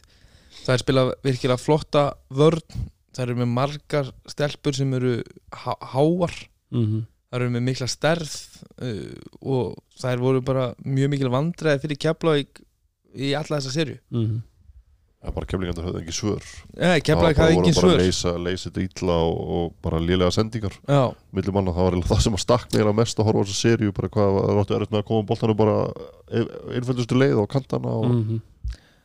sendingagæði skotavall það er eitthvað sem að var ekki upp á marka virka á Keflavík og, og reyndar að byrja þetta sísón alltaf svolítið vel já, já. þannig að og voru í toppar til lengi framan af. Mm en svona síðustu sex vikurnar tvo mánuði jafnvel þá finnst mér keflagustelpun hafa verið að spila virkilega bara illa. -hmm. Ma- þar hafa hann stundum náða hérna klóra fram í sigra. Mm en heldar frammistaðan hefur ekki verið neitt rosalega góð. Nei. og, og hérna það er áttu bara ekkert meira skilu og töpuðu bara þarna fyrir betra kvörubaltali uh, töpuðu fyrir, fyrir tvíburunum já, keflingingunum þannig, við verðum að segja það, þeir eru náttúrulega uppaldar og fara í gegnum allt yngri okkar starfi í keflag frængur mínar, Bríett og Sara. Mm og þær voru bara hreint út sagt frábærar í þessu envi mm og, og Sara er náttúrulega bara einu af okkar allra, allra bestu sko. já, bara eina okkur allra bestu og hérna einhvern veginn hef, hefur maður heyrt það að hérna, Keflæk hafi sagt nei við henni þegar hún kemur heim frá Englandi núna í vetur. Og það- finnst það ekki alveg rétt. og það finnst mér alveg virkilega förðulegt að hérna bara besti leikmaður íslenski kvennanarslins er að koma heim og, og það sé ekki plást fyrir hann Já, ég held að það sé, ekki rétt. Það er langt fyrir sannleikum En, já, já. Við gætlum svo ekki svara því. Hér En uh, hérna á uh, Já, eins og ég segja, á fimmtæðin þá er fyrsti leikur í Origo klukkan 20.15 samkvæmt KKI. Við erum að trú og treysta því og við ætlum svona að fara í gegnum þetta samhliða köllunum Já. og taka úslitaðin við allavega rýna, rýna þessi já. þessi logo Alltaf þessu fyrir okkur, þetta verður, þetta verður mjög áhugavert Eru þið með, myndu, hverju verða Íslamestarar? sko, va- þetta er náttúrulega Valur á að vinna þetta einmi Valur er liðið sem að ætti samkvæmt öllu Já, að taka þennan titil. Mm En þetta er körubolti en þetta er körubolti, það getur allt gerst. Getur allt gert en þetta er rosa mikið hérna, hversu, hversu vel hitta svona aukaleikmenn haugana. Þú veit, ég, Ég ætla ég ætla að gera stjarfur ætla að hendur svo haugan Ég já, ætla að henda þess að bara þrjú eitt á haugana. Ég, ég, ég, bara ég held að veri upset. Já, ég er alveg vonað það sko Mikil haugamaður sko. Alltaf, alltaf verið. Alltaf verið. Nei, nei, Það þetta verður skemmtilegt. Já, það verður skemmtilegt. Já, En uh, við erum alltaf búin að renna yfir þessa þessa fjóra leiki, næst fáum við að renna yfir þrjá leiki. Já. og svo kannski fækka þeim og við ræðum um meira í þessari þessum áttalúslum já og sk- og skilabóð svo til þeirra bara svona rétt í lokin skilabóð til uh, þeirra sem að telja köruboltakvöld uh, þurfa að axla ábyrð á, á því að leikmenn séu dæmdir í bann eða þá til þeirra sem að telja að hérna, umræða á einhverju Facebook-grúpu mm. eða jafnvel í, í hlaðvarpi eins og hjá okkur Mm. geti einhvern, á einhvern hátt orsaka leikmenn í bann það finnst mér náttúrulega eitthvað það kjánalegasta sem ég hef heyrt Já, og ef það er svoleiðis þá þurfa náttúrulega bara allir sem eru í dómarnefnd og eru að vísa atveikum lengra mm og þeir sem eru í þessari aga úrskurðarnefnd -hmm. að segja starfi sínu lausu Mm. ef, að- ef, ef að það er bara nóg að það sé ykkur umræði í sjónvarpinu í, í, í þætti sem er gerður til þess að tala um svona atvik Já, ef, ef, ef, að það, að það er að axla ykkur ábyrð á því þá er það náttúrulega kjánaskapur mm. Hvað er að gera? Segja af sér Já, eða? já, bara finna eitthvað annað fólk sem að, sem að er ekki að taka sem á ekki sjónvarp. Já, sem, sem að hlustar ekki á svona mikið rugg ég er samt trúið því svo sem ekki að, að fólk sé að hlusta á það er út af því að hérna, Siggi sagði á, á, á Facebook-grúpinu að hann ætti að vera í bann. Ég er að segja, þú veist, á, á, á þá fólkið á, á, á Facebook-grúpunni að, að axla ábyrð og hætti grúpunni, er, er það það sem við erum að kalla eftir? eða- ég, ég, ég, ég myndi skilja ekki mér finnst einmitt bara á Facebook kjartan að segja af sér þetta er svolítið kjánulegt sko. Já, Þú veist, til þessi þættir og, og, og Þetta Facebook-grúpa er náttúrulega bara ekki svaravert eða þetta er alveg- umræðunar við við- eru þarna til þess að tala um það er gaman að horfa mikil umfyllur um íslenska körubólta en svo að tala um eitthvað sem þeir líkar ekki þá er það þetta ekki- stort það vandamál. Herru, en uh, Vísa þessu til föðurhúsana Já, þessu beintið fyrir svona. Við verðum mynda á miðvíkutaskvöldið Jú. og hendum okkur uh, komum með þáttum um miðnetti miðvíkudaginn, Já. það er öllu óbreyttu Já, og það er Kaldi og það er White Fox Sintamani og podcastuðin Besta stöðin. Besta Og- og við misnotum aðstöðu okkar enn meir og, og, og hendum í, í lag fyrir Sverri. Svona, klárum þetta á, á Sverris lagi, það ekki? Já. Það er smá fjör í þessu, fút allt að gerast, love this game. Love this game